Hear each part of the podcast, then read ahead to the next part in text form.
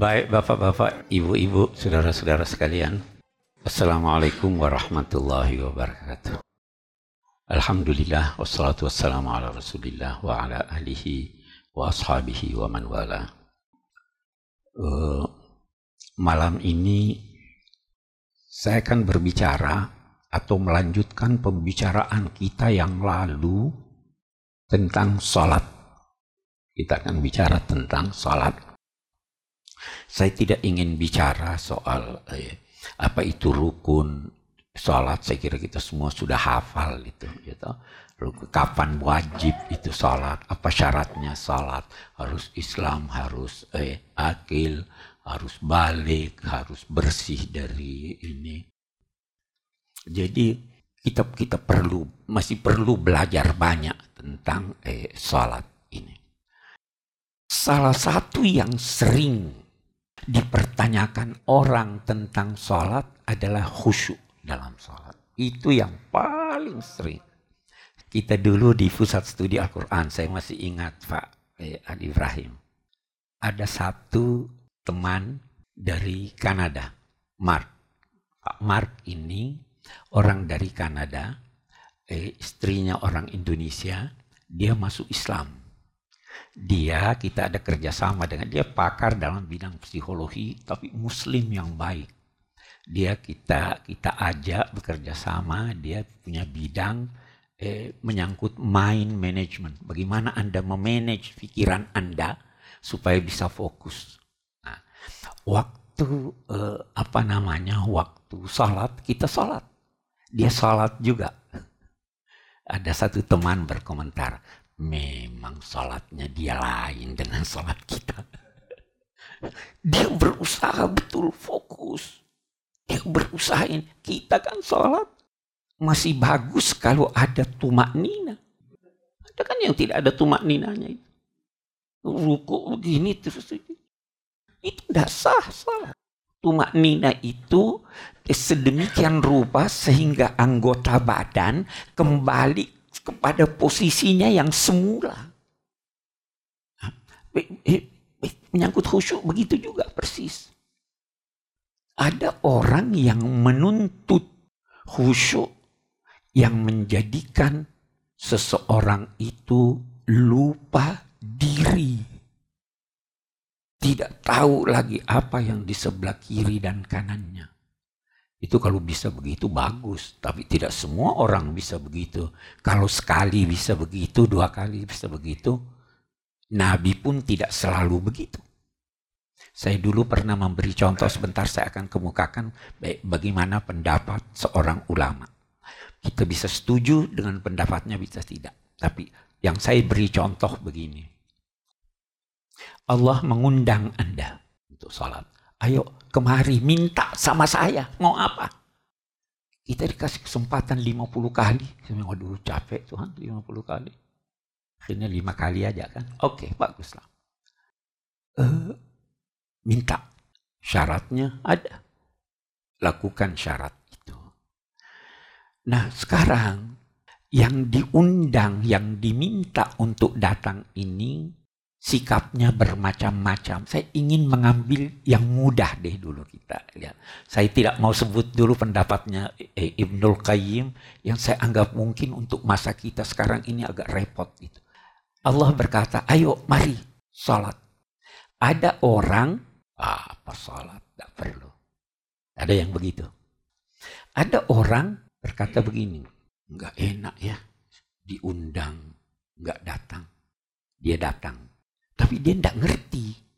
Yang penting dia lihat orang, oh ini orang berdiri, ini orang duduk, dia ikut. Padahal dia tidak mengerti, dia hanya datang karena segen diundang. Yang ketiga, ada datang, oh iya, ini perlu saya datang ini. Dia datang dengan hati yang tulus untuk datang, tetapi waktu dia datang itu pikirannya macam-macam. Bisa begitu itu eh, Imam Abu Hanifah pernah kasih nasihat satu orang. Dia kehilangan barang. Oh kamu hilang barang. Pergi sholat. Bagaimana? Nanti setan datang sama kamu beritahu kamu itu barang. Jadi seperti orang masuk ke pameran lukisan diundang, dia datang, dia ngerti sedikit ini begini, baru dia ngobrol sama orang ini begini, ini begini. Dia bertanya, bagus itu. Ada yang waktu diundang, wah saya dapat kehormatan nih diundang. Dia datang, dia ini pokoknya berusaha sebaik mungkin. Nah, yang terakhir, yang tertinggi ini begini. Ya Allah, kehormatan saya dapat kamu undang saya. Ya Allah, kamu minta saya bermohon kepadamu. Saya ingin bermohon kepadamu. Banyak sekali yang saya minta. Banyak keperluan saya. Waktu eh, dia sujud, dia menganggap dirinya saya sekarang paling dekat sama Tuhan. Lama dia sujud. Kalau kita ibaratkan dengan lukisan tadi, dia sudah tenggelam dalam lukisan itu. Ada yang tepuk dia, dia tidak rasa lagi.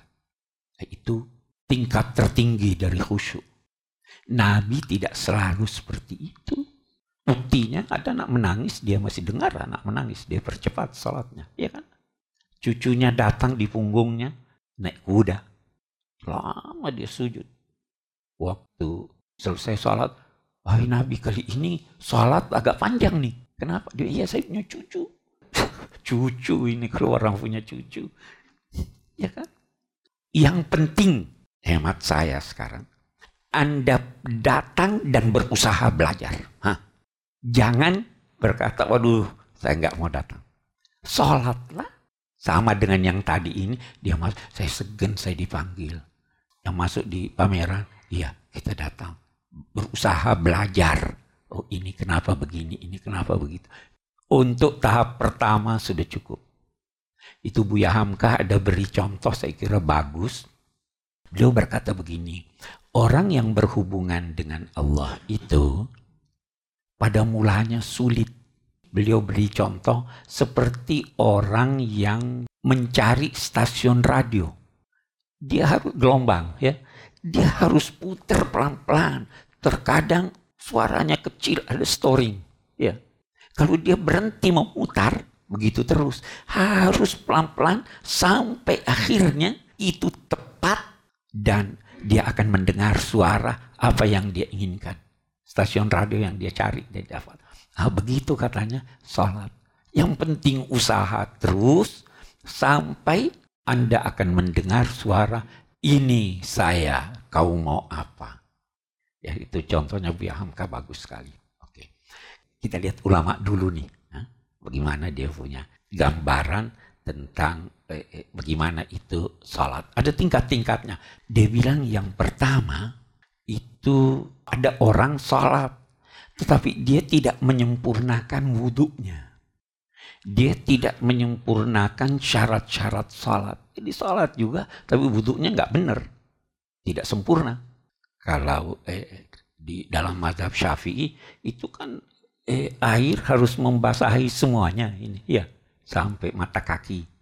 Tapi oke okay deh tergantung apa mazhab Anda. Yang penting jangan kurang. Uh, uh, rukuknya kurang ininya kurang. Orang ini menurut Ibnul Qayyim itu dinamai mu'aqab. Orang ini terancam mendapat siksa. Karena dia tidak sempurna. Oke. Yang kedua, rukunnya bagus. Syaratnya bagus. Oke. Semuanya bagus.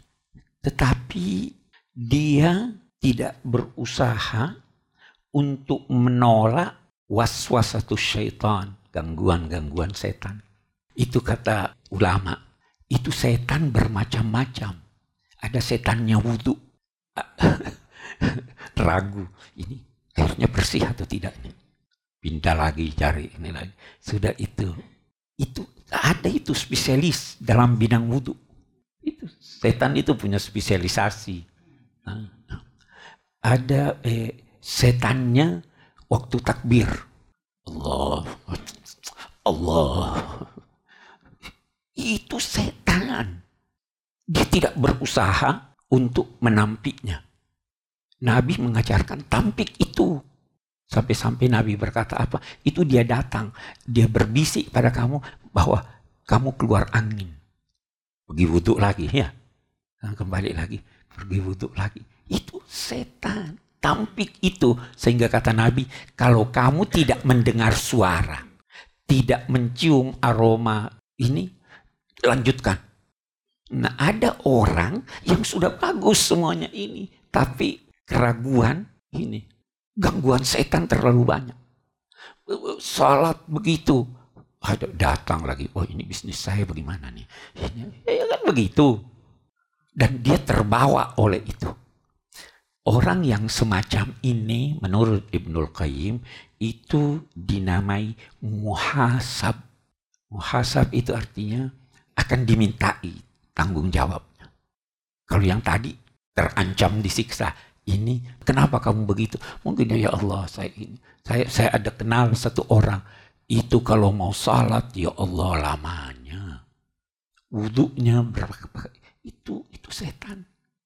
Karena itu untuk menampi itu dalam konteks apa pun ada rumus keyakinan tidak bisa dibatalkan oleh keraguan. Al yakinu la yuzalu bisyak. Tadi saya sudah wudhu, yakin. Ini sekarang saya sudah batal atau tidak? Masih ada wudhunya atau tidak? Masih, karena Anda yakin. Tadi ini berapa rakaat? Empat atau tiga. Apa yang Anda yakini? Ragu tidak bisa membatalkan yang itu. itu. Supaya eh, Anda tenang dalam sholat. Anda punya pegangan. Tidak ini, tidak muhasab ini istilahnya. Nah. Ada yang ketiga, yang ketiga ini semua sudah bagus, tetapi dia berjuang untuk mengenyahkannya. Nah berjuang untuk mengenyahkannya. Orang semacam ini dinamainya mukafar anhu, diampuni kesalahannya. Karena Anda sudah berjuang. Berhasil atau tidak soal belakang. Yang penting Anda berjuang. Yang keempat, dia sempurna semuanya.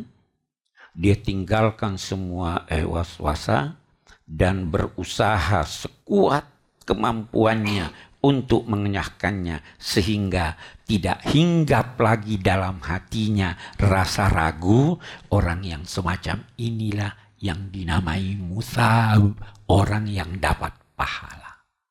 Tingkat-tingkat kan kita bisa ukur diri kita ini bagaimana. Yang terakhir itu orang yang sudah tidak ada lagi. Sudah tenggelam, ini tadi yang sudah tenggelam. Dia tidak ada lagi ingat sesuatu selain dari Allah. Cinta Allah, hadir di hadapannya Allah. Saya pernah dengar saya punya guru saya Habib Abdul Gadir Bilfagih di Malang. Saya masih nyantri di sana. Dia bilang begini, ada satu orang sholat Allah lagi Allah setelah tiga kali baru dia berkata Allahu Akbar. Habis sholat ditegur oleh orang sampingnya. Kamu kok tadi sampai tiga kali Allahu Akbar. Dia bilang, kamu berbahagia sekali aja sudah bisa. Saya setelah tiga kali baru saya lihat Ka'bah di depan saya. setelah tiga kali, ini orang tingkat tinggi ini. Ka'bah ada di depan saya. Jadi sudah tenggelam dia di dalam sholatnya sehingga dia sudah lihat itu. Ah, ini mukarrab orang yang didekatkan kepada Allah. Itu khusyuk. Tapi yang penting sekali lagi kalau kita ukuran kita sekarang, yang penting Anda mau Anda sholat lima kali sehari itu minimal berusaha dari saat ke saat menyempurnakan sholat Anda.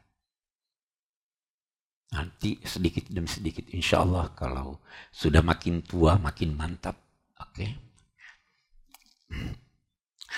Uh, eh, ada bahasan ulama. Bagaimana khusyuk bisa kita dapat. Itu dalam Al-Quran ada dikatakan begini. Wasta'inu bis sabri was wa innaha lakabiratun illa alal khasyi'in. Kalau kita bicara dalam konteks doa, ayat ini menyebut dua hal. As-sabr wassalah. Mintalah bantuan. Ista'inu. Aun itu bantuan. Mintalah bantuan untuk meraih apa yang kamu inginkan dengan sabar dan salat anehnya ini bahasa Al-Quran ini anehnya dia katakan innaha itu menunjuk tunggal sesungguhnya dia tunggal itu tunggal menunjuk sabar atau menunjuk sholat? Nah, kalau keduanya dia mestinya berkata fa innahuma. Iya kan? Ini yang belajar bahasa Arab nih perlu tapi dia katakan fa innaha. Nah, ulama menjawab itu keduanya, tetapi salat tidak bisa sempurna kecuali kalau Anda sabar. Dan sabar tidak bisa Anda peroleh kecuali dengan meminta bantuan Allah. Jadi dia harus menyatu. Inna ala kabiratun illa alal khasyiin. Itu berat kecuali orang yang khusyuk. Nah, siapa yang khusyuk? Kita lihatlah ini. Lanjutan ayatnya. Alladzina yazunnuna annahum mulaqu rabbihim. Orang yang khusyuk itu adalah orang yang menduga keras bahwa dia akan bertemu dengan Allah. Nah, itu lantas begini dikatakan. Kira-kira kalau diumumkan ada keputusan besok jam 8 Anda akan digantung. Kan mati kan? Terus Anda diminta, mintalah permohonan terakhirmu. Anda minta apa kira-kira? Anda harus digantung. Minta apa? Hah? Hah? Kalau saya kira-kira, biar saya sholat dulu deh. Iya. Oke. Okay. Sholat orang yang merasa akan segera mati. Kira-kira khusyuk atau tidak? Oh, udah. Jadi bayangkanlah waktu Anda sholat, bahwa itu sholat Anda yang terakhir. Nah, itu sebabnya biasa orang tua-tua kita sebelum sholat itu nasihatnya Sallu sholat muwaddi' Sholatlah sholatnya orang yang mau mengucapkan selamat tinggal, saya sudah akan berangkat. Oh itu pasti khusyuk. Itu, itu di Quran kita ambil itu. Sallu salat muadda.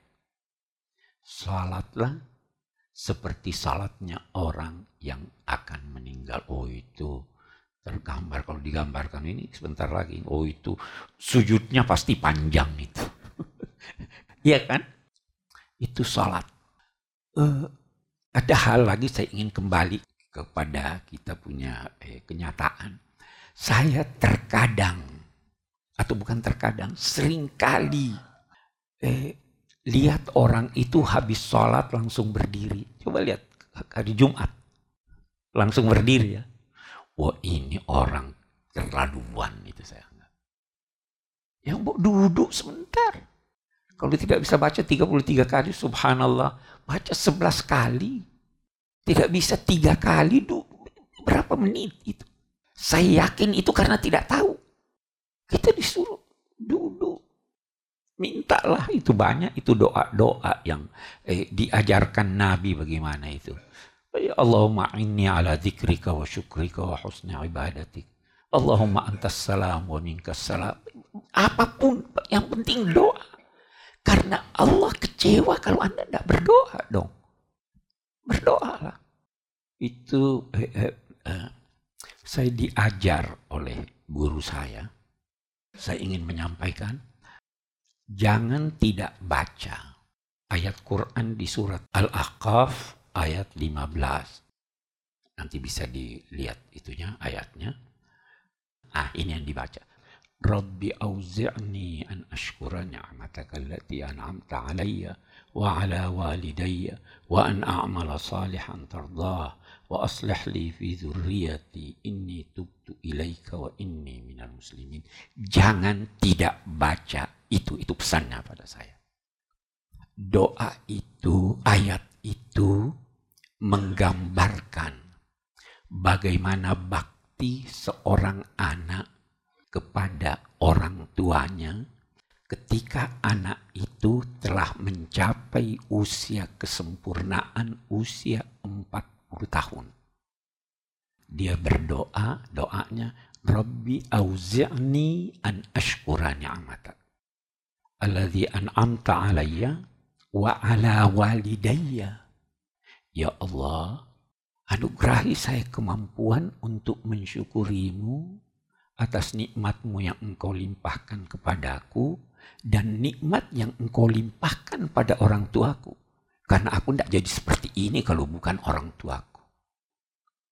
Kita punya ayah, kita punya ibu yang membesarkan kita. Dia yang membanting tulang. Dia yang berkorban untuk kita. Dia cari rezeki untuk menyekolahkan kita. Rabbi auzini an ashkura ni'mataka allati an'amta alayya wa ala walidayya wa an a'mala salihan tarda. Ah, ini lagi.